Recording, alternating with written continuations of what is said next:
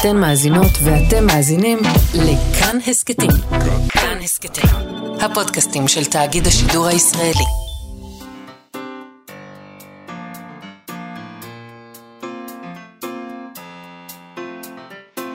מה שכרוך עם יובל אביבי ומה יעשה לה.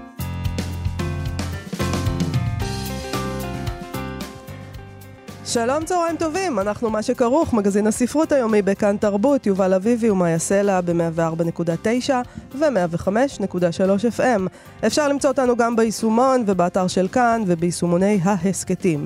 איתנו באולפן, מפיקת התוכנית תמר בנימין ועל הביצוע הטכני משה מושקוביץ. שלום לכם ושלום יובל. שלום מאיה, אנחנו נדבר היום על uh, קדושת הטקסט. יש עדיין דבר כזה. תכף נדבר אולי. על משהו שאולי מרמז אחרת, אבל אומרים שטקסטים זה דבר קדוש. לא רק, אה, לא רק אה, טקסטים קדושים באמת של ספרי קודש, אלא טקסט, קדושת הטקסט. אנחנו נדבר על כך עם אה, הסופר שמעון הדף, וננסה להבין אם אנחנו באמת חיים בעידן חילוני. את חושבת שאנחנו חיים בעידן חילוני? פחות ופחות, אני, לא, אני חושבת שהעידן החילוני הסתיים באיזשהו אופן. אבל אה, בוא נשמע את אה, מה, מה שמעון עדף אומר. נניח שאנחנו בעידן חילוני, מה קורה לקדושת הספר? פרוזה, כן? ספר פרוזה בעידן כזה. נדבר גם עם אלעד ברנועי שלנו בפינתו אלעד אינטרנשיונל, שבה הוא מספר לנו על ספרים שטרם תורגמו לעברית. היום הוא מדבר איתנו על uh, כמה ספרים. נכון. אה, אבל אה, נתחיל עם קבוצת פייסבוק שנקראת חינוך 2020 למערכת חינוך אפקטיבית יותר, שם קאצ'י כזה. שם מעניין. כן. Uh, התפרסם שם טקסט מאוד מדכא של uh, נערה, שכתוב עליה שם שהיא לומדת לבגרות ושהיא בכיתה י"ב. והנה לך מישהי שהיא כנראה קול של דור כלשהו, uh, אולי הדור, הדור שיהיה האחרון שיכבה את האור, יכול להיות. Uh, אבל אה, זה האור- כמובן ככה אני קוראת את הטקסט. אנשים... אולי האור כבר קבע. אולי. האור קבע. פשוט יושבים שם בחושך במערכת החינוך. זה טקסט שם באיזשהו אופן מוכיח שממערכת החינוך אה, אה, יוצאים אנשים שאין להם מושג בכלל מה זה ספרות, או מה זה צניעות, שזו גם מידה נשכחת. אה, אבל בואו גם אולי... תשפוט, תשפטו בעצמכם. מי, ש... מי שמוציא את האנשים האלה מבית הספר, גם הוא אולי לא אה, כל זה כך לא, זה, יודע. זה לא גם הוא, זה הוא. זאת אומרת, המערכת הזאת, אנחנו, אנחנו פה מדברים על המערכת כן. בעצם. אה, לא, איך יוצ- נראית המערכת ומה יוצא מהאופן שבו הם מלמדים. כן. והיא כותבת ככה, נערה. אני כועסת, אני כועסת על הסיפורים שמלמדים אותנו, אני כועסת על המסרים הסמויים ששולחים לנו, אני כועסת שאנחנו לא עושים כלום כדי לשנות, אני כועסת שאף אחד לא רואה כמה גרוע המצב, אני כועסת על משרד החינוך, שמשאיר את המצב כמו שהוא היה לפני 30 שנה. עד עכשיו הזדהיתי, אגב, כועסת, כועסת, כן.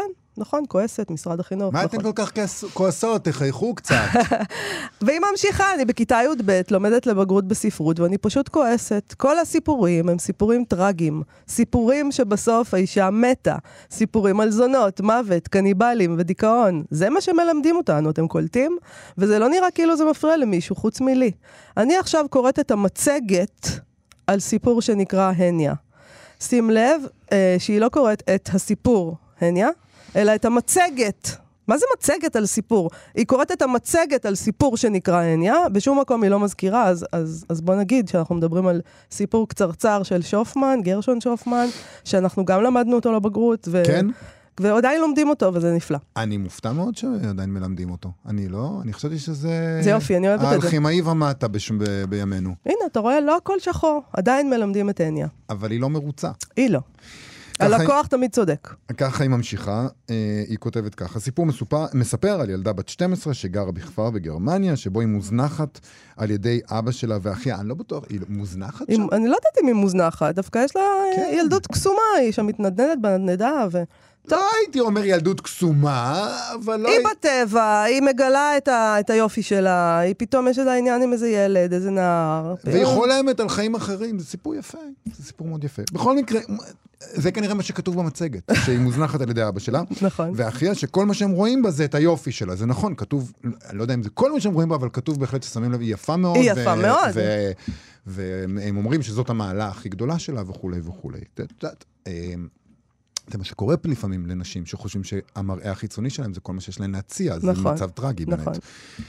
Uh, בכל מקרה, היא מוזנחת, היא אומרת, לא אכפת להם ממנה חוץ מהיופי שלה, והם טוענים שזה יסבך אותה בחיים, ותנחשו מה זה סיבך? היא הפכה לזונה. כל מה שהיא רוצה לעשות זה ללכת לעיר הגדולה, אתם יודעים, להצליח. וכשנער החתיך מנדנד אותה בנדנדה, היא מסתכלת על העיר ומבקשת לראות עוד. זה נחשב לתאווה, כאילו הבקשה שלה להיות במקום אחר שבו אולי יראו אותה ולא יזניחו אותה זה תאווה. כאילו העובדה שהיא רוצה לעשות משהו בחיים שלה, חוץ מלשבת כל היום בבית ולחכות שאבא שלה ואח שלה יעשו את העבודות, זה אמור להספיק לה. היא אמורה להסתפק במה שמביאים לה, אסור לה לרצות להצליח לבד, כי היא אישה ילדה. זה מה שהיא הבינה מהמצגת. אולי זה מה שכתוב במצגת. כן. יכול להיות. כן, כן. זה לא מה שכתוב בסיפור, זה לדעתי. לא מה שכתוב בסיפור, לא. אבל תשמעי, אני לא יודע, אני כבר... זה, זה כל כך אה, מוחלט שאני מפקפק בהבנה שלי. אנחנו, אה, תקשיב, אני חזרתי לקרוא את הסיפור בוודאי, כדי להיזכר. אה, ברור. כן. זה סיפור מאוד אה, דו-משמעי, זאת אומרת, הכל שם, זה לא ככה כמו שמתואר פה או במצגת. נכון. טוב, בכל מקרה, כעבור ארבע שנים היא מצליחה להגשים את החלום שלה, והיא עוברת לעיר, ככה אני שוב קורא מתוך הסטטוס. היא הופכת לזונה כי היא לא יכולה לעשות שום דבר אחר, היא פשוט יפה מדי.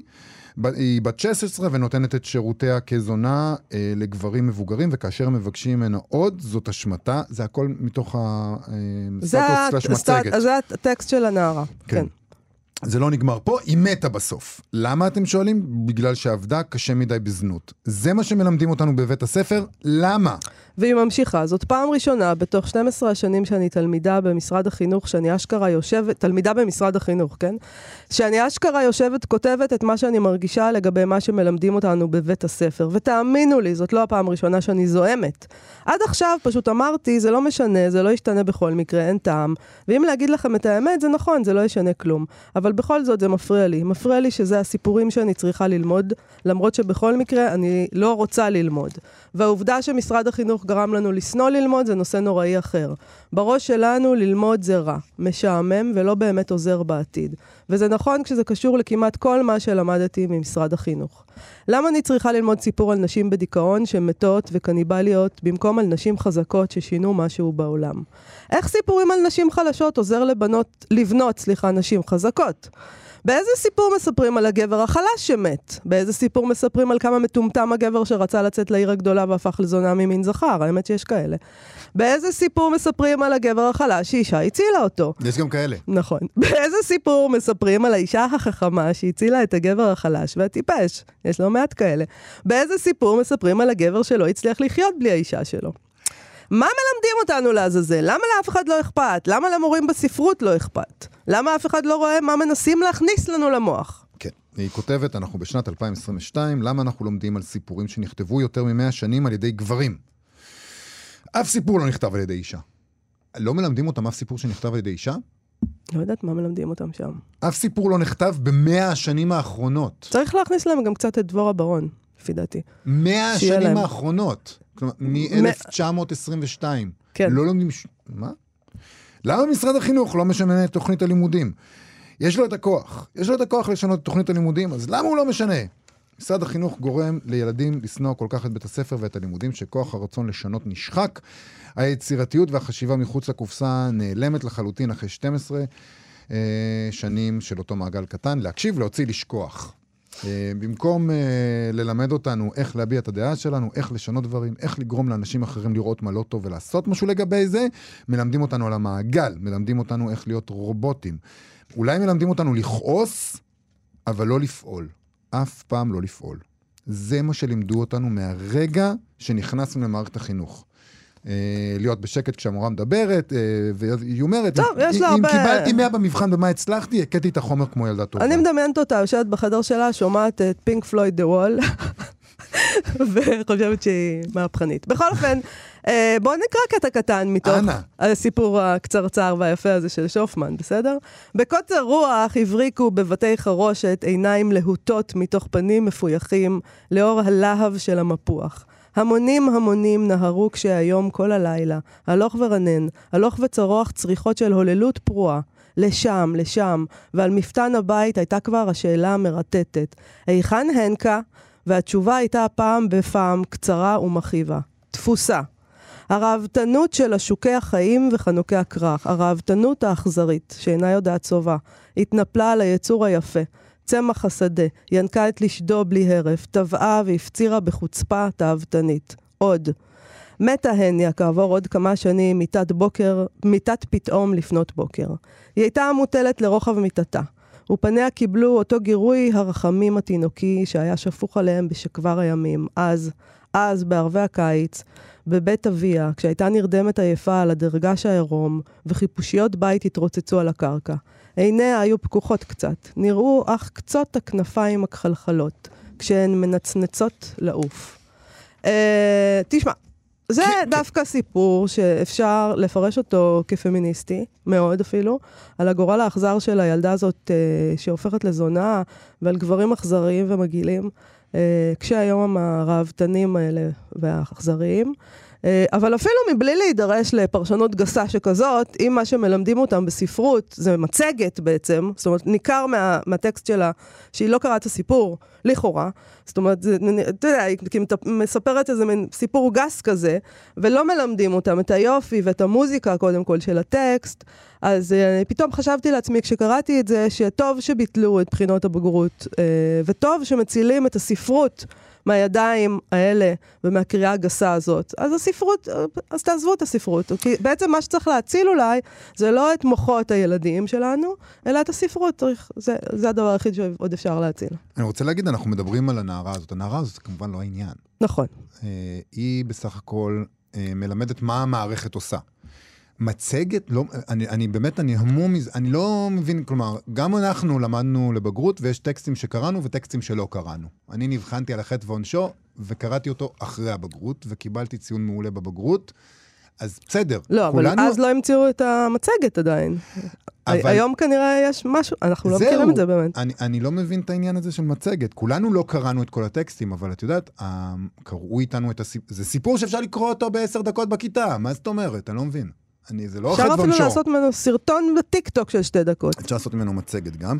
בכל מקרה, היא תוצר, הנערה הזאת, תוצר, היא לא אשמה.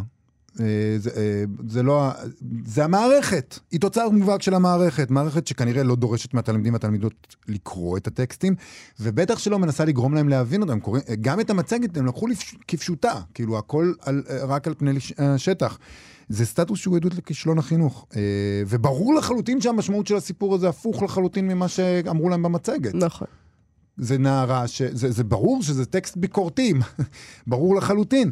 אה, אבל אין שום מחשבה ביקורתית בסטטוס הזה. כנראה כאילו לימדו אותם לקרוא טקסט בצורה ביקורתית. אמ, מה שמפתיע עוד יותר הוא שבתגובות לסטטוס הזה הרבה משבחים אותה על הקול האמיץ שלה. נכון. והם אומרים גם, דרך אגב... המורים, יש שם מורים שכותבים לה. כן, כבר לא בואי, בזכותך ישנו, את צודקת. הם מחזקים אותה ואומרים, אולי המערכת לא כזאת כושלת, אם יצא ממנה קול מנוסח ומדויק וביקורתי נכון, כמו נכון, שלך. זה מדהים לראות. אם הוצאנו תלמידה דעתנית וכ... ומנוסחת כמוך, כנראה שבכל זאת הצלחנו. דיינו, כן. מצד שני, יש שם עוד דברים. יש שם גם מורים שכותבים. שאצלם בכיתה הייתה חוויה אחרת. ואצלם התלמידים חוו את הסיפור הזה. אולי כי, כי קראו את הסיפור, mm-hmm. אני לא יודע. כן. Um, בגדול, הסטטוס הזה הוא מעציב יותר מהכל, כי הוא מלמד על מה, על איך לומדים היום uh, ספרות, ואיך משת... אז גם, אפילו אם למדתם למצגת, אפילו אם הפכתם את זה למצגת, אפשר לעשות את זה למשהו uh, קצת יותר... Uh, קצת יותר מורכב, קצת יותר מעמיק, דיון בכיתה על, על מיטו, על, על פמיניזם, כמו שאמרת. זה מאוד מדכדך, ובנוסף לכל הדברים האלה, צריך להגיד שלמיטב ידיעתי מלמדים הרבה מאוד טקסטים שהם בני פחות ממאה שנים. ו... אבל גם בהם היא לא תמצא את האושר שהיא רוצה. בעצם מה שאולי היא רוצה, זה מה שדיברנו אתמול על העניין הזה של ה... אה, של הדור הזה שרוצה ספרים לפי הרגש שלהם. אני רוצה משהו עצוב, אני רוצה משהו שמח, לכוון את הספר לרגש. אז אה, היא, היא לא תמצא הרבה ספרות אה, אה, טובה. שיש בה את העצמה שהיא רוצה. נכון. אה, באופן שבו היא רוצה. אבל במוזיקה היא יכולה למצוא את זה, למשל, יש כל מיני טראנס ניצחונות וכאלה, היא יכולה ללכת לשם. אני, את יודעת משהו? אפשר למצוא בסיפור הזה, סליחה, אני מצטער שאני אומר את המילה הזאת, בסדר? אפשר למצוא בסיפור הזה העצמה. המורה הנכון פשוט יכול לכוון את זה למקום חיובי, מעצים, מחזק. אה, ברור, כמו שאפשר למצוא מקום מחזק ומעצים בשכול וכישלון, ששם אגב, זה גם כן סיפור מלפני מאה שנים, שהגבר הוא מעוך. כושל, מעוך, תלוש, וכל החיים שלו הם, אה, הם כישלון אחד ארוך. נכון. ושכול גם ליד. נכון.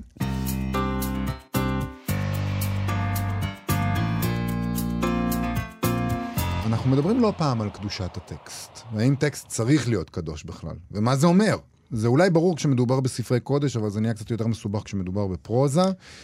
ויש אנשים שכל כך חרדים לקדושת הספר, שמסרבים נגיד לסמן בו בעט, או לעשות בו אוזני חמור, ויש כאלה שרואים בו חפץ שימושי ומחולן לחלוטין. אני עושה אוזני חמור. אני גם מסמנת. מה זאת אומרת? איך אפשר לא לסמן בספר? כי, כי זה קדוש, כי אתה... הוא קדוש לי. הספרים המסומנ- הכי מסומנים שלי הם קדושים לי. אז השאלה אהבתי היא- אותם במיוחד, ו- זה- ולכן הם מסומנים כל זה כך. עוד שאלה של מהו הפרקטיס המקודש עם ספר. האם לכתוב בספר זה לזלזל בו, או להפך, לחגוג את הקדושה נכון. שלו. אבל זה לא רק היחס לספר כחפץ, אה, כחפץ קדוש, אלא גם היחס לרעיונות. כשאנחנו אומרים קדושת הטקסט, אנחנו מדברים רעיונות ומילים ולמעשה הכתיבה והיצירה. וכדי להבין מה בעצם קורה לקדושת הטקסט בעידן החילון, שגם כן צריך לשאול האם אנחנו בעידן החילון עדיין, אה, הזמנו את הסופר שמעון הדף, הוא ידבר על כך ביום חמישי הקרוב במסגרת שיחות חילון, פסטיבל רעיונות אה, ירושלמי על דת וחילון מטעם מכון ון ליר. שמעון הדף הוא משורר וסופר, הוא כתב את מוקסנוק, עליו זכה גם בפרס ספיר, וגם את אה, פנים צרובי חמה, קום קרא והלשון הושלה, ספרו האחרון. ביתר, כן, הוא אה. כתב עוד ועוד ספרים. כן, נכון. שלום שמעון הדף. שלום. אז קודם כל, מה זה בכלל אה, טקסט קדוש? אנחנו, ו- ואיך, אה, ואיך מתייחסים, מה, מה אנחנו צריכים לעשות עם טקסט? האם לכתוב בתוך ספר זה לכבד אותו כקדוש, או להפך, לחלל, לחלל אותו? כן, אז קודם כל, אה, טקסט קדוש, ב, אני חושב שבהבנה המקובלת, זה טקסט שאיזה רוח עדיין מפעמת בו. זאת אומרת שהוא טקסט שהוא חי. המילים עצמן משמשות הד או אפילו, אפילו, אפילו בית קיבול של, של איזה מקור שעומד מחוץ עליהם. אלוהים, רוח אחרת, ישות אחרת. וזה, אה, במובן הזה, בגלל שהטקסט עצמו נושא בתוכו גם את השם של האל, וגם ממשיך אה, להפעיל אותנו. אה, באמצעות האל שנוכח באותיות, אה, היחס אליו צריך להיות אה, באמת אה, יחס של כבוד. זאת אומרת, אה, הוא לא שלנו בשום אופן, גם אם הוא נמצא ברשותנו. אנחנו לא זורקים אותו, אנחנו גונזים אותו, ולא לא, לא, לא, לא מסמנים בו. לא כותבים עליו. אני עצמי לא מסמן בספרים, לא באמת? בגלל שאני מאמין. וכן, כי אני לא אוהב, אני לא אוהב לראות את העצמי הקודם שלי, אני אוהב לקרוא אותו. זה נכון, אגב, הזה- אתה צודק במובן הזה שאתה מגלה על עצמך משהו. נגיד אם אני משאילה את הספר למישהו, והוא רואה מה סימנתי, אז בוא'נה, זה... זה לחשוף. כאילו, אני אבל מה ש- חושפת המון. אבל מה, ש... מה שנאמר פה זה גם, לעצ... כן. גם לעצמך. את קוראת בספר שלפני 20 שנה כתבת בו דברים, ואז את מסתכלת בצד ואת אומרת, יא אללה, מטומטמת. מי אבל זה זאת היה קורה לי האישה בכל הזאת. שכתבה את הדברים זאת האלה? המטומטמת הזאת. לא, זה לא קשור, זה לא... זה רגע, אבל אני רוצה לשאול אותך, כן, שמעון, כן. אתה קורא ספר שנגיד, כן. אה, יש שם משהו שנורא מוצא חן בעיניך, יש שם שורות שממש מוצאות חן בעיניך, אז איך אתה מסמן לעצמך, נגיד, שתרצה אולי לחזור על זה מחרת? אני, אני, אני, קודם כל, אני חושב שהעבודה שלי עם הזיכרון, אני הולך ומגלה שהיא פחות ופחות מצויה, אני פשוט אוהב לזכור דברים. אה. כי באתי ממסורות של שינון, וגם, אני גם, למשל, אני לא מצלם, כי אני לא אוהב לזכור באמצעות תמונות. אני לא אוהב, אני לא אוהב לתרגם את העולם הפנימי שלי לשורה של חפצים, שאחרי זה גם נושאים אותו, ואני צריך לקרוא את עצמי דרכם. אני כן. לגלות את עצמי בתוך הטקסט כשאני קורא אותו, ושהזיכרון שלי עובד, שאני קורא פסקה ואני אומר, או, הבנתי אותה פעם אחר, פעם אחרת לגמרי, או הייתי מישהו אחר כשקראתי את הפסקה הזאת. אה, זה מעניין, אבל זה אומר שאתה כאילו צריך לא לזכור, אתה זוכר טקסטים בעל פה. אז מה, שיר של. שירה, שורות שיר ושורות... שורה פרוזה, אבל אני זוכר גם רשמים. אה, אבל העניין הוא שהוא באמת, זה, באמת, זה באמת אה, העדפות אישיות שלי. אני יכול להבין לגמרי אנשים שמסמנים בתוך טקסטים. אני פשוט, זה העניין הזה של, אה, גם נגיד אפילו בתוך נגיד קוראים דיגיטליים כמו קינדל, אני ישר מכבה את האופציה שבו אני רואה מה אחרים סימנו, כי זה. מעצבן זה גורם לי, זה גורם לי להתמקד במה מה אנשים עשו ולמה... טוב, זה, ממש. נזירות, זה ממש כאילו נכון, אה, נכון. ללכת למערה וללבוש אה, שק יוטה או משהו. אבל אפרופו זה, אני חושב שזה אמרתי קודם שזה לא קשור, אבל לאט לאט אני מבין תוך כדי תיאור שזה כן קשור לקדושה של הטקסט בעיניי, ושל המפגש של משהו שהוא עבורי, יש בו ממד של התגלות, ואני לא רוצה לראות את הסימנים של ההתגלויות האחרות. זהו. אבל אני רוצה לשאול אותך, נגיד כן. שתדע שאני קראתי ספר שלך. וסימנתי בו. אז האם זה כן. את, הנה, אז יש לי פה את הסופר לשאול אותו, זה פוגע בך? אתה מרגיש שאני לא. פגעתי בטקסט, או בך, או בספר לא. הקדוש הזה? לא? ממש לא. אני לא חושב על, על, על הספרים שלי כשאני אה, כקדושים, כי אני לא חושב על המילים שלי כקדושות. אה, וזו באמת שאלה מעניינת, זאת אומרת, אה, מה, מה ההנחות שלנו? כל הזמן אנחנו מדברים על ספר, אנחנו מדברים על ספר מהצד של הקוראים. ואנחנו פה כולנו קוראים. אבל צריך לחשוב עליו גם, את שואלת נכון, לגבי הצד של הכותבים. כן. זאת אומרת, מה, מה, מה בעצם הנחת היסוד של מישהי שכותבת ספר או מישהו שכותב ספר? זאת אומרת, איך הם רוצים שהספר הזה יהיה בעולם, ומה הם חושבים בכלל שהוא מעשה היצירה עבורם. כאילו זה לא רק לפגוש את הקול של, זה גם לפגוש את הקול של, של מישהו אחר, או להציג את הקול שלך בצורה מסוימת. יש, אני חושב שחלק מהקדושה של הטקסט גם נובעת מתוך החוויה הזאת של היצירה.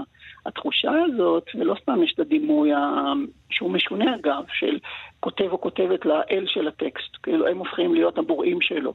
הם, הם מחליטים, במיוחד בפרוזה, עבור כל דמות מה הולך לקרות לה.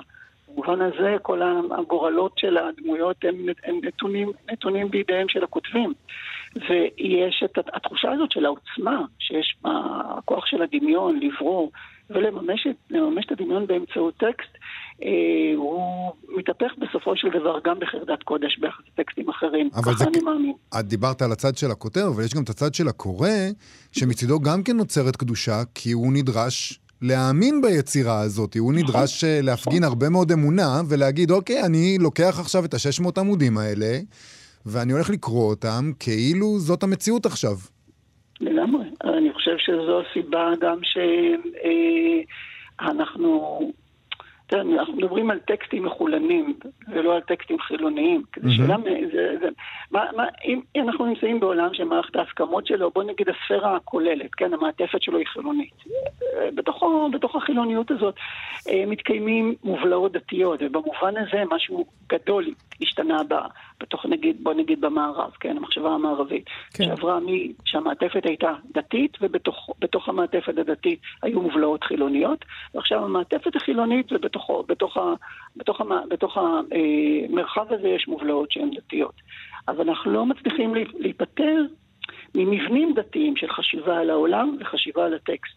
ובמובן הזה, אנחנו, התנועה של הטקסט היא אל, השאיפה שלו זה להפוך לחילוני.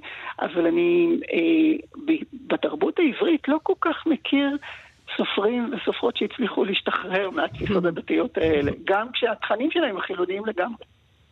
זה נכון, כן. לא חשבתי על זה, שזה אצלנו, אבל כאילו, אתה יכול להגיד את זה עלינו, יותר מאשר על אה, אולי תרבויות אחרות. אבל מה זה אומר בדיוק שהם לא מצליחים להשתחרר? מה, מה, איך זה משפיע על איך שהם עושים את זה? אז קודם כל, אני, אני חושב שאנחנו חושבים אולי על רומן או יצירת פרוזה שמשקפת את העולם. אפשר לחשוב על אה, אולי שלוש רמות, אני חושב. הרמה הראשונה היא הרמה של... באיזה מידה אה, הטקסט קשור ב, אה, בלשון שהוא משתמש בה למקורות קדושים. והעברית, בגלל שהיא ספוגה במקורות קדושים כל הזמן, כמעט קשה להיפטר מהם. הדבר השני, וידוע באמת, כאילו, אנחנו, לא יודע אם להזכיר את שולם פה, ואם זה חשוב, אבל, אבל זה הרמה הראשונה. הרמה השנייה קשורה לתכנים ולעולם הערכים שעולה מתוך, שעולה, שעולה מתוך הטקסט, נכון? מה, באיזה אופן התכנים הם חילוניים, באיזה אופן הם מביעים, מדברים בשם האמונה, או, או הדמויות מאמינות או לא מאמינות. כן. ויש את הרובד ה... בוא נקרא לו, המטאפיזי של מה ההנחה שלנו, שהוא היחס בין השפה לבין המציאות. האם אנחנו מאמינים שהשפה יכולה לחולל שינויים במציאות? אנחנו מאמינים שלשפה יש מקור שהוא חיצוני לה, שזה לא מערכת הסכמות בינינו. אנחנו החלטנו עכשיו שלמילה סוס, יש לה משמעות שאנחנו מייחסים לרעיון סוס. נגיד, זה מין חשיבה חילונית על השפה. כן. זה משהו חברתי, זה לא משהו... אני חושב שברמה הזאת, רוב הכותבים שאני מכיר בעברית, להוציא אי אלו משוררים, באמת מאמינים שלמילים יש איזה כוח מגי. ולמילים, לעצם השימוש בהם, יש קשר מהותי גם לרגש שלהם וגם לתמונה שהם מציירים בעולם. ומזה קשה, קשה להיפטר. אני חושב שזאת הסיבה, אגב, שלא נכתבת כל כך ספרות אה, ספקולטיבית בעברית. זה כבר דיון אה. אחר. נכון, מעניין. אבל זה, זה נורא מעניין מה שאתה אומר, ומצד שני, יכול להיות שבגלל הדבר הזה, אה, אנשים בורחים, אה, בורחים מאיתנו. זאת אומרת, כי, כי אנחנו מדברים על הדבר הזה מצד אחד, אה, ומצד שני, אני, שומע, אני רואה, אני רואה את המציאות הזאת שבה אנשים הפסיקו לקרוא ספרים. פה.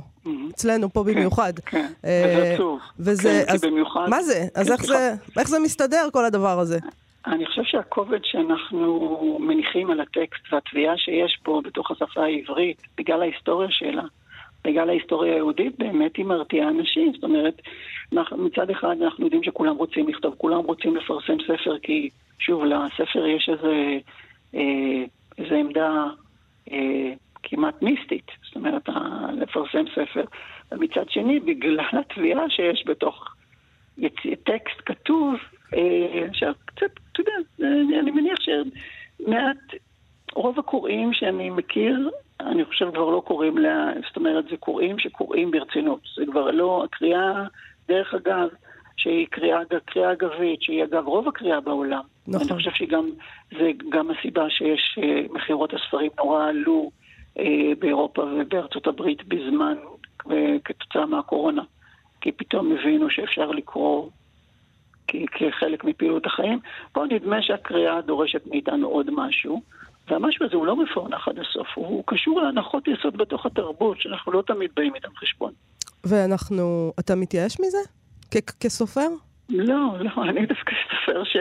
אה, אה, אה, שיש לו, אה, אה, שדורש התמסרות מסוימת מהקוראים שלו. נכון. במובן הזה, הספרות שלי, אפשר לקרוא אותה בצורה אגבית, אבל אני חושב שאז היא, אה, היא, אה, אה, היא לא מובנת. סליחה על ה... אה, אני לא מתנאה בזה, זה פשוט זה, אני יודע שזה מה שקורה.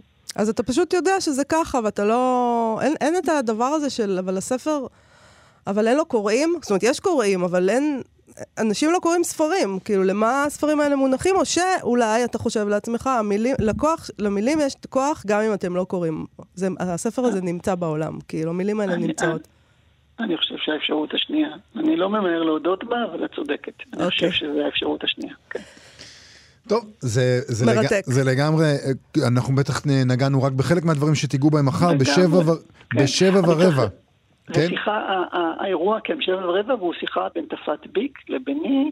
אה, תפת היא חוקרת אה, ספרות, היא כתבה על יונה וולך, על זלדה, והיא דרך ה- באמת הפריזמה הזאת של חילון וקדושה בש, בשירה העברית. ונגיד גם שזה רק חלק מאירוע גדול, מתחיל בארבע וחצי במכון ון ליר ונמשך אל תוך הלילה. תודה רבה, שמעון תודה הדף. לכם. תודה רבה, להתראות. להתראות, ביי. ביי ביי. עכשיו, אלעד International. מה שכרוך בכאן תרבות, חזרנו עם אלעד International, הפינה של אה, אלעד בר-נוי שלנו, עורך ומגיש פופ-אפ שמשודרת בימי חמישי ב-10, זה מחר, 10 בבוקר, כדאי להאזין. אצלנו הוא מדווח לנו על ספרים שטרם תורגמו לעברית, אבל הוא אה, early adopter, הוא כבר אה, קרא אותם. שלום לך, אלעד ברנועי. שלום. אה, טוב, אז בדרך כלל אנחנו מדברים, אה, אני משתדל להביא לפה ספרים טובים, אה, מתוך איזושהי אה, כוונה שאנשים באמת אה, יקראו אותם. אה, אבל לאחרונה נתקלתי באיזושהי אה, מצוקה, אה, והחלטתי להציף אותה בשידור. בבקשה. אה, לא, אני לא מצליח לסיים אף ספר שאני קורא. אה, ארבעת הספרים האחרונים שקראתי באנגלית, נתקעתי באמצע. ואתה אה, חושב שזה אשמת הספרים. בוודאי שזה אשמת הספרים, אין לי בכלל, אפילו לא, לא עלתה אצלי השאלה הזו. הספרים לא מספיק טובים. מדובר בספרים שכולם זכו לתשבוכות, חלקם של זוכי פרסים, אה, והם פשוט, אה, הם אפילו לא גרועים מספיק בשביל שאני אקרא אותם עד הסוף בכזה מין קריאת שנאה. הם פשוט לא מספיק טובים. אה, ו... ועכשיו אני... אז, אז אתה בעצם באת להזהיר אותנו מפני... אה, באתי... להזהיר את לשת- ההוצאות, לא לתרגם אותם. אגב, אני בטוח שיתרגמו חלק מהם, אבל um, אני, זה נורא, כן, כשאני מביא ספר שהוא מדהים, אני בדרך כלל אומר אין סיכוי שיתרגמו, ואז אני מביא את הספרים האלה, ואני אומר שברור לי שיתרגמו אותם. אני בא לשתף במצוקה uh, את uh, מאזיני uh, מה שכרוך. הספר הראשון שנדבר עליו נקרא Appliance, כלומר, מכשיר, של ג'יי או מורגן. זה ספר נורא מתסכל. אמ, זה, הוא מתחיל כזה בפרברים בארצות הברית, משפחה שעובד באיזושהי חברה, מקבל הביתה מכשיר חדש מאוד מאוד מתקדם, שהוא... מין מכשיר מתקדם כזה, ואנחנו לא לגמרי יודעים מה הוא עושה, זה מדיח כלים, זה תנור, לא לגמרי ברור מה זה. והעלילה מתפתחת ואנחנו מבינים שזה מכשיר שיש לו ממש יכולות קינטיות להזיז חפצים בחדר, לשטוף כוס שלא נמצאת בתוכו וכל מיני דברים כאלה. אמ, ומשם אנחנו כאילו מתקדמים כל פעם בצעדים קדימה כזה, מין סנפשוטס כאלה של כל מיני דברים שהטכנולוגיה הנוראית אה, עשויה לעשות בעתיד, מכשירי חשמל ביתיים שמשתלטים לנו על המחשבות וכל מיני דברים כאלה. זה כמו אה, לקט של מראה שחורה. אמ, כשכאילו מה שאמור להיות טוב בספר הזה, זה שהדבר שמנחה את הספר זה התודעה של המכשירים ולא התודעה של אה, הדמויות, שזה בעצם תירוץ לסופר שלא יודע לכתוב דמויות אה, אנושיות. אמ, וגם, קראתי כזה בגב, הרצתי, כאילו, מה זה הרצתי? דפדפתי קדימה באייפד לסוף, אמ, וראיתי גם שכאילו הכל אמור להיות כרוך באיזושהי מין הומניות. אה, הכל זה הומני, זה הומני, וכאילו ממש רוקנו את המילה הזו ממשמעות. אמ, אז אה, כאמור, אז לא לקרוא. הפסקתי, לא, אני לא, אני מה לא... היה הקאש ששבר לא, את קש, גבך? זה, זה, זה אפילו לא, זה מה שמעצבן גם, זה לא שיש איזה רגע שאני אומר, יואו, זה נורא. לא, אני פשוט, לא בא לי לקרוא את זה. ואני אומר לעצמי, זה מתחיל לדגדג לי. פעם, פעם אגב לא הייתי מסוגל לעשות את זה, פעם הייתי, כן. הייתי חייב לסיים ספרים. היום אני כבר, די, אין לי סבלנות. אבל מה השלב שבו אתה אומר בספר, די, מאס- אה, מספיק, אני עוזב. זה, זה לא קורה ככה, זה, זה קורה בזה שאני מוצא את עצמי לא חוזר אל הספר הזה פשוט. Mm. ואני כל פעם לא חוזר אליו, ואז אני אומר לעצמי, טוב, מה קורה? כאילו, אני צריך זה לקרוא. לא מעניין אותך, מה, כן, הוא לא- הלאה, לא- אתה לא בא לי על זה. יותר. כן, זה לא קורה לך? אין, איזשהו רגע. אין איזשהו. רגע. זה לא אמ, קש ששבר את גב הגמל, הגמל הזה, הגב שלו לא נשבר מספרים, הוא פשוט... הוא לא. גמל בכלל, הוא משהו אחר. אמ, אנחנו נעבור לספר הבא. אנא. אה, הדבר הכי טוב בספר הזה זה השם שלו. You made a fool of death with your beauty. אבל אפילו את השם שלו, אה, אה, מי שכתבו את הספר לקחו משיר של Florence and the Machine. השם של המחברים זה אקוואיקי אמיזי. כן, אין לי מה לעשות, זה השם. uh, מדובר על, uh, על uh, בחורה בשם פיי, שהתאלמנה בתאונת דרכים נוראית עם מי שהיה כזה אהבת חייה. Um, היא גם נפצעה בתאונה, וזה כזה התחלה מאוד מאוד טרגית. אנחנו פוגשים אותה חמש שנים אחרי התאונה. Um, היא אומנית, מאוד מצליחה, יש לה סטודיו משלה, והיא uh, צריכה למצוא, היא רוצה, היא רוצה לחזור, היא רוצה לחזור למצוא אהבה. אמ, ואז היא הולכת, זה פשוט, זה, זה פשוט לא טוב, היא הולכת לאיזה מסיבת גג, היא פוגשת שם איזה בחור מהמם. אבל תגיד, כשאתה בוחר את הספרים, נגיד בחרת את הספר הזה בגלל השם, נכון? יפ. אוקיי. כן, השם היה ממש ממש טוב. כי אמרת, זה עליי. ראיתי ביוטי, ראיתי, כאילו, מה, בדיוק, אמרתי זה כזה, מה-. מה עוד אפשר, כאילו. אבל אה, לא, זה, זה, היא הולכת למסיבת גג, היא פוגשת איזה בחור, אז- אפילו לא ספוילר, כי זה קורה באמצע, כי הפסקתי כאמור באמצע, היא פוגשת איזה בחור, היא מתאהבת בו, הוא עשיר נורא, הוא חתיך נורא, הוא מהמם, הם טסים לקריבים, אה, לאיזה אי, ואז שם היא בעצם מגלה שמי שיותר מהמם ממנו זה אבא שלו. אה, זה, אגב, אם יש רגע שיכול לשבור גב של גמל, זה הרגע הזה, שכאילו, די, די, די, אין לכם סיפורים חדשים לכתוב, באמת, איזה שעמום. עכשיו, הדבר שעוד יותר מעצבן אותי, זה, האמת שיש הרבה דברים שמעצבנים אותי בספר הזה ספציפית. קודם כל, היה כתוב שיש שם כזה עניין קווירי בספר. כן. לא, אני לא מצאתי את העניין לא. הגעת לסוף, הוא מגיע רגע אחרי שהפסקת. אבל המחברים הם אה, א-בינאריים, אז אני מניח שזה, כאילו, אה. שזה אולי איזשהו עניין, אבל לא, אבל היה כתוב. היה כתוב על הספר שגם הוא, הוא כזה בבלה בלה בלה, עלילות קוויריות, אני לא הגעתי לזה, אני הגעתי לעלילות מאוד סטריטיות משעממות. אולי אמ, זה מה שהקשה שובר אותך, עלילות סטרייטיות משעממות. מתאים לי בול כנראה. אז, אז זהו, שגם, אז הספר הבא יפתיע אתכם שהוא ממש לא ספר סטרייטי, והוא גם שעמם אותי מאוד. קוראים לו Young Mungo, כתב אותו דאגלס סטוארט, שגם כתב את שגי ביין, אה, שזכה בבוקר, ו... וכן הלאה. אמ, גם את שגי ביין אני לא אהבתי, חשבתי שזה ספר בלתי. אמ, אני חשבתי שהוא כתוב נורא, ושהוא סמיך כמו מרק סוכר. אמ, ולמה המשכתי לספר השני? אני אשם. אני- אני אתה אשם. אדם לא, מלא תקווה. אשם. לא, אני לא מלא תקווה, כי פשוט אומרים סיפור אהבה בין ההומואים. אני אומר לעצמי, יואו. אני לא- אני לא יכול לעמוד בזה. ואז מתחיל הספר, וזה באמת, זה, וואי, הוא כותב, אני מצטער, זה, יו, זה נורא, אני גם ראיינתי אותו, זה נורא, אבל הוא כותב נורא, כאילו, הוא כותב ברוקי כזה, הכל, כל- אי אפשר לה- להתקדם, כאילו, דמות הולכת מפה לשם, וביניהם יש כל כך הרבה ת- מילות תואר, די, כאילו, ת- תניח לי. הסיפור הוא גם, אגב, ממש באופן דומה לשאגי ביין, אה, מתרחש כזה בשנות ה-80, שנות ה-90 בגלזגו, אה, נער מתבגר, הוא מתאהב בנער מבוגר ממנו, אסור להתאהב בבן, נכון? כאילו... מכירים את את הז'אנר? שמענו על כן. זה. אני באמת תוהה, כאילו, מתי... אמ, אני חושב על זה גם לאור כזה, הפרק של אה, חתונה ממבט ראשון אה, עם הזוג הומואים, כאילו, אני חושב לעצמי, מתי נתקדם מהמקום הזה שבו אפשר לספר סיפורים, שזה לא רק המשבר של כאילו זה שזה אסור והומופוביה. כאילו, זה לא שאין את הדברים האלה עדיין בעולם, אבל מעניין אותי מי יצליח לספר סיפור אהבה בין בנים, שהמשבר שם זה לא זה שהחברה לא מוכנה לקבל אותם. ב- מי יצליח לעשות סיפור שזה לא העניין בו? פשוט תכתבו סיפור אהבה בין בנים ות, ותעמדו על הקשר ה- ה- ה- שעלול להיות מורכב מטעמים אחרים. אמ, ולכן אה, גם את הספר הזה אה, זנחתי. נשלחנו, כן. אה, כן, זה ספר באמת מעצבן, כאילו באמת עצבן אותי. עכשיו, הספר האחרון, קוראים לו Book Lovers. שזה ישר, זה ספר שלעולם לא הייתי מתחיל לקרוא. אז אני כאילו מין אמרתי, אולי, כאילו, אולי... אתה פשוט אדם טוב אולי אני אוהב ומיטיב. ספרים, אולי אהבת הספר תנצח כאן. הוא מקום ראשון בניו יורק טיימס כבר זמן מה, כתבה אותו אמילי הנרי, וזה ספר נוראי, אוקיי? זה על מישהי שהיא סוכנת ספרותית, וואי, זה ספר נוראי. זה, היא סוכנת ספרותית, והיא אה, היא, היא עוזבת את ניו יורק לטובת כזה חופשה בכפר, כאילו בכזה עיירה, אה, כי היא צריכה להתנקות מכל העיר ובלה בלה בלה. ושם היא פוגשת את הנמסיס שלה, שהוא אה, מוציא לאור, שלא הסכים להוציא לאור ספר של מישהי שהיא מייצגת, אוקיי? הם ואז- מתאהבים. אז, אהה, וואו, יפה, חשבת על זה. אז...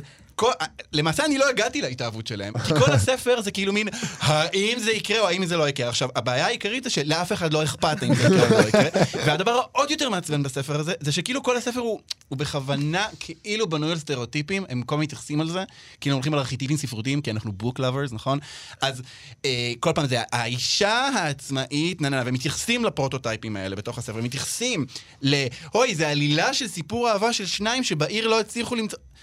עכשיו, לאן הגענו? לשלב שכבר אנחנו כותבים כאילו ספרים על, על כתיבת ספר... על ארכיטיפים של כתיבת ספרים, כאילו. נגמרו לכם הנושאים? כאילו, מה, מה קורה? וגם למה זה במקום הראשון? מה זה המטה הזה? למה זה במקום הראשון? כי, לא יודע, כי, כי, כי אוהבי ספרים, יש, להם, כי יש לכם איזושהי בעיה, אני לא יודע מה להגיד יש לכם. איזה בעיה. מי- מי אם לא המאזינים והמאזינות של התוכנית הזאת? סליחה, בוק לאברס, נכון? זה... לא, אבל ברצינות, לא, איך, את אמרת גם שיש ביקורות נלוות ומוכרים, בעצם את מה זאת הפינה אומרת? זה הזאת... דווקא לא מפתיע. מה, רק ספרים אה, טובים עומדים בראש רשימות רב- רבי המכר? להפך. ובמעשה הביקורת, שהוא דבר טהור ונשגב, ורק אנשים מעולים עושים אותו, והם תמיד כותבים את האמת.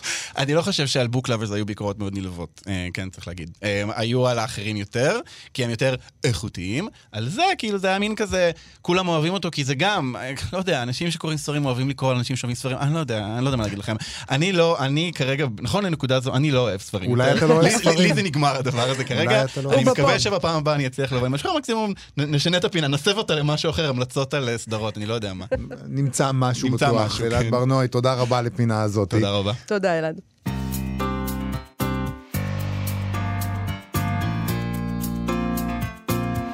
נדבר קצת על פרנסה, יובל. הסופרת והמשאית אורנה קזין כותבת בבלוג שלה על האפשרות להתפרנס מכתיבה בישראל. זה היה יכול להיות טקסט קצר. היא תוהה איך מתפרנסים היום מכתיבה, מי משלם היום לכותבות וכותבים מיומנים, כמה משלמים ועל איזו מין כתיבה, עיתונאית, אקטיביסטית, ביקורתית או שיווקית. היא כותבת, אני חושבת במיוחד על הסטודנטים שאני זוכה להנחות במכלל, במכללת ספיר, ותוהה לאיזה שוק של כתיבה הם יצאו בתום הלימודים, כיצד התפרנסו, אני שואלת עיתונאים ועיתונאיות, עורכים ועורכות, בכירות וזוטרות, ותיקות וגם צעירות שנכנסות בימים אלה לתפקידי כתיבה במגוון הקשרים ואכסניות. המידע שאני אוספת אינו מעמיק ומקיף מספיק, אף אחד לא משלם לי לערוך את התחקיר הזה. שים לב, אף אחד לא משלם לה. כן. אבל יש בו כדי ללמד אותי דבר או שניים על שוק הכתיבה בעידן הנוכחי. טוב, היא מתעסקת ברשימה הזאת בעיקר בעיתונאות. אה, היא לא מתייחסת לכתיבת ספרות או שירה, כי מה היה פה? היא, אין שם כסף, לא צריך תחקיר, אף אחד לא מתפרנס כמעט מזה, אבל בתוך עולם העיתונות, ששם עוד איכשהו מצליחים להתפרנס מטקסטים, היא מתייחסת לתחום הנישתי והמדולדל למדי כשלעצמו, ביקורות הספרות, ויש לה גם מספרים. אם מבקר או מבקרת ספרות כותבים ביקורת אה, ספרים מלאה, נניח בין 800 מילים ל-1200 מילים, הם ישתכרו בממוצע ספרים של הארץ, ככה היא כותבת, בין 600 שקלים ל-750 שקלים. הסכום הגבוה משולם במקרה זה, במקרה שבו, אה, ש, שזו ביקורת שמתנוססת על השער. זאת אומרת, ביקורת שער מקבלת יותר, אה, מקבלת יותר כסף. ידעת את זה? לא. גם אני לא. לא נתקלתי בזה. לא, לא, אף פעם אה, לא יצא לי, אולי... אה, אולי כי לא הייתי אף פעם על השעה, לא, לא זוכר. במוספי הספרות של העיתונים האחרים היא כותבת לא יותר מ-500 שקלים. אלה הסכומים שבהם היא נוקבת. זה מה ששווה היום לפי אורנה קזין, ביקורת ספרות. והיא ממשיכה, היא כותבת, אני חושבת על המשמעות של 500 עד 750 שקלים לרשימת ביקורת. כדי לכתוב ביקורת ספרים טובה, על המבקרת לקרוא את הספר מתחילתו ועד סופו, לכל הפחות, ולערוך תחקיר על ספרים אחרים של אותה סופרת. רצוי מאוד שתקרא גם אותם. המבקרת גם חייבת לערוך תחקיר על כל מה שהיא מבקשת לשים לב אליו בביקורת. נניח, אם היא מבקשת להשוות את היצירה המבוקרת ליצירות אחרות של יוצרים אחרים, עליה לקרוא את היצירות האחרות, או לכל הפחות קטעים מתוכם. או לשים לב לעובדות שמוזכרות בספר, ולוודא שהיא יודעת במה מדובר ואיך לחשוב עליהם. העבודה הזאת, הקריאה של היצירה המבוקרת, לפעמים ספר עב כרס, וגם כל הקריאה במסגרת התחקיר, ובהמשך עצם הכתיבה של רשימת הביקורת עצמה, עשויה לתפוס לא מעט שעות. כותבים קבועים במוסף ספרים כותבים בערך פעמיים בחודש. הם משתכרים לפיכך לא יותר מ-1,500 שקלים בחודש, לא כולל מע"מ. כמה זמן אפשר לפנות לכל העבודה הזאת כשצריך גם להתפרנס? האם התשלום הנמוך אינו מבטיח שהתחקיר יהיה דליל מהראוי? אני ממש מתקוממת מהמילה הזאת תחקיר בהקשר של ביקורת ספרות, אבל לא משנה. ולחילופין, האם התשלום הנמוך אינו מבטיח שרק בעלי מעמד כלכלי גבוה, שעיתותיהם והונם בידיהם, יכתבו ביקורות? שאלות טובות. כמובן שתהליך כתיבת הביקורת שהיא מתארת הוא מין פנטסטי לחלוטין, לא? זה מדומיין.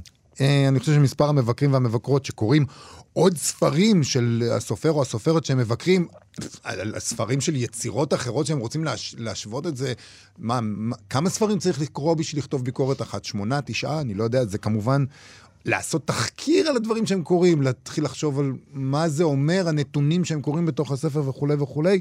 מספר המבקרים והמבקרות שעושים את זה הוא אפסי, נכון? נכון. לא? צריך להגיד אבל, שגם אם קוראים רק ספר אחד, ספר אחד בודד, נגיד ספר ממוצע, 300, 350 עמודים, אמ, התשלום עדיין הולם את המסקנות שלה, כן? אם מקבלים 500 שקלים על uh, דבר כזה, קריאת ספר אורכת כמה שעות, גם אם זה ספר אחד. Uh, מן הסתם צריך לחשוב רגע, אולי איזה חצי שעה ככה לקחת בשקט, לחשוב על מה אתה רוצה להגיד, בדרך כלל זה לוקח קצת יותר מחצי שעה. Uh, ואחר כך גם צריך ממש לשבת ולכתוב, שזה לוקח כמה שעות, ואז גם בלי כל התוספות האלה של המדומיינות, של התחקיר והקריאה וזה וזה. עדיין יוצא ש-500 שקלים ברוטו זה לא מאוד משתלם. זה לא משתלם בכלל. טוב, אה, אני חייבת להגיד לך, אני לא מבינה איך המילה משתלם נכנסת פה בכלל. זה לא. ובגלל כל החישובים האלה שאתם עושים, אה, אז באיזשהו מקום מגיע לנו שזה המצב. כלומר, אתם הפכתם את זה למין חישוב כזה אה. חשבונאי, השעה הזאת לשם, והתחקיר הזה פה, ובוא נוסיף את זה, אה, ונוסיף לא, מה. כי בסוף זה. צריך ללכת לקנות קוטג'. אה, אל תבלבל לי את המוח. להיות מבקר זה לא מקצוע משתלם, העניין הכלכלי הוא הבעיה הכי קטנה. אה, הבעיה- יש את העניין הזה שמשלמים על הדבר הזה מחיר מאוד גבוה בהרבה מובנים. אז אולי כמו שאורנה קזין חוששת, המשמעות היא שרק העשירים יוכלו לכתוב ביקורות, אבל אני חושבת שאולי זה דווקא אומר שרק מי שזה בנפשו יכתוב ביקורות, ולא, לא, לא דווקא העשירים. אה, רק מי שחייב להשמיע קול, ורק מי שמוכן לשלם את המחיר. בסופו של דבר, מה שקורה כאן זה ששדה הספרות חיסל במו ידיו את הביקורת, והוא יכול עכשיו להתלונן על זה עד מחר, אה, כי, כי אנחנו יודעים שבלי ביקורת, בלי, בלי גם הד, הדבר הזה, ההיטל הזה בעולם של הספרות, איזה מין חיים יש לספר, איזה מין מערכת ספרותית זאת, אבל הם חיסלו את הביקורת במו ידם, עם התגובות הצווחניות שלהם בכל פעם שביקרו אותם, ועם הנקמות הקטנות שלהם במבקרים, ועכשיו לא נשאר מזה כלום, אה, כמעט לאף אחד כבר אין חשק להיכנס לזירה הזאת, נותרתם עם חנופה, עם חיבובים וליבובים בפייסבוק. בפייסבוק, אה, ויש פה קצת מימד בעיניי של הרצחת וגם ירשת. הרגתם את המבקר ועכשיו אתם טועים, איפ- איפה הביקורת? אה, לכסף יש מעט מאוד קשר לעניין הזה, למרות שהתשלום למבקרים מביש, בהחלט, אבל למה שנלין על העיתונות הגוססת, כי יש לנו בידיים מערכת ספרותית גוססת. חסרים לנו גוססים? לא. אז תלינו, אל תלינו, לא יודעת. לא כאילו, נעים לי להגיד, אבל אני מסכים איתך, זה נכון. אה. צריך להגיד שמבקרים... הרגת את התוכנית. הרגתי. לא, מבקרים תמיד uh, התפרנסו בקושי רב, גם סופרים תמיד התפרנסו בקושי רב, וזה נכון שמה שקרה פה, יותר מכל מה שהרג את הביקורת, זה לא המשכורות, אלא העובדה שברגע שכתבת משהו שלילי, מיד uh, סקלו אותך ואמרו שזאת ביקורת קטלנית ורצחנית, ולמה? מה יחסיך עם המבוקר שאמרת עליו ככה וככה? וזה נכון. אז זה מה שיש. אה, ועם זה נסיים, נכון? עם גוססים נסיים. נכון. תודה רבה למפיקה שלנו, תמר בנימין, ולמשה מושקוביץ, שהיה על הביצוע הטכני. בואו לבקר בעמוד הפייסבוק שלנו ובעמוד הפייסבוק של כאן תרבות. מחר אנחנו משדרים את המיטב. נכון. להתראות. להתראות.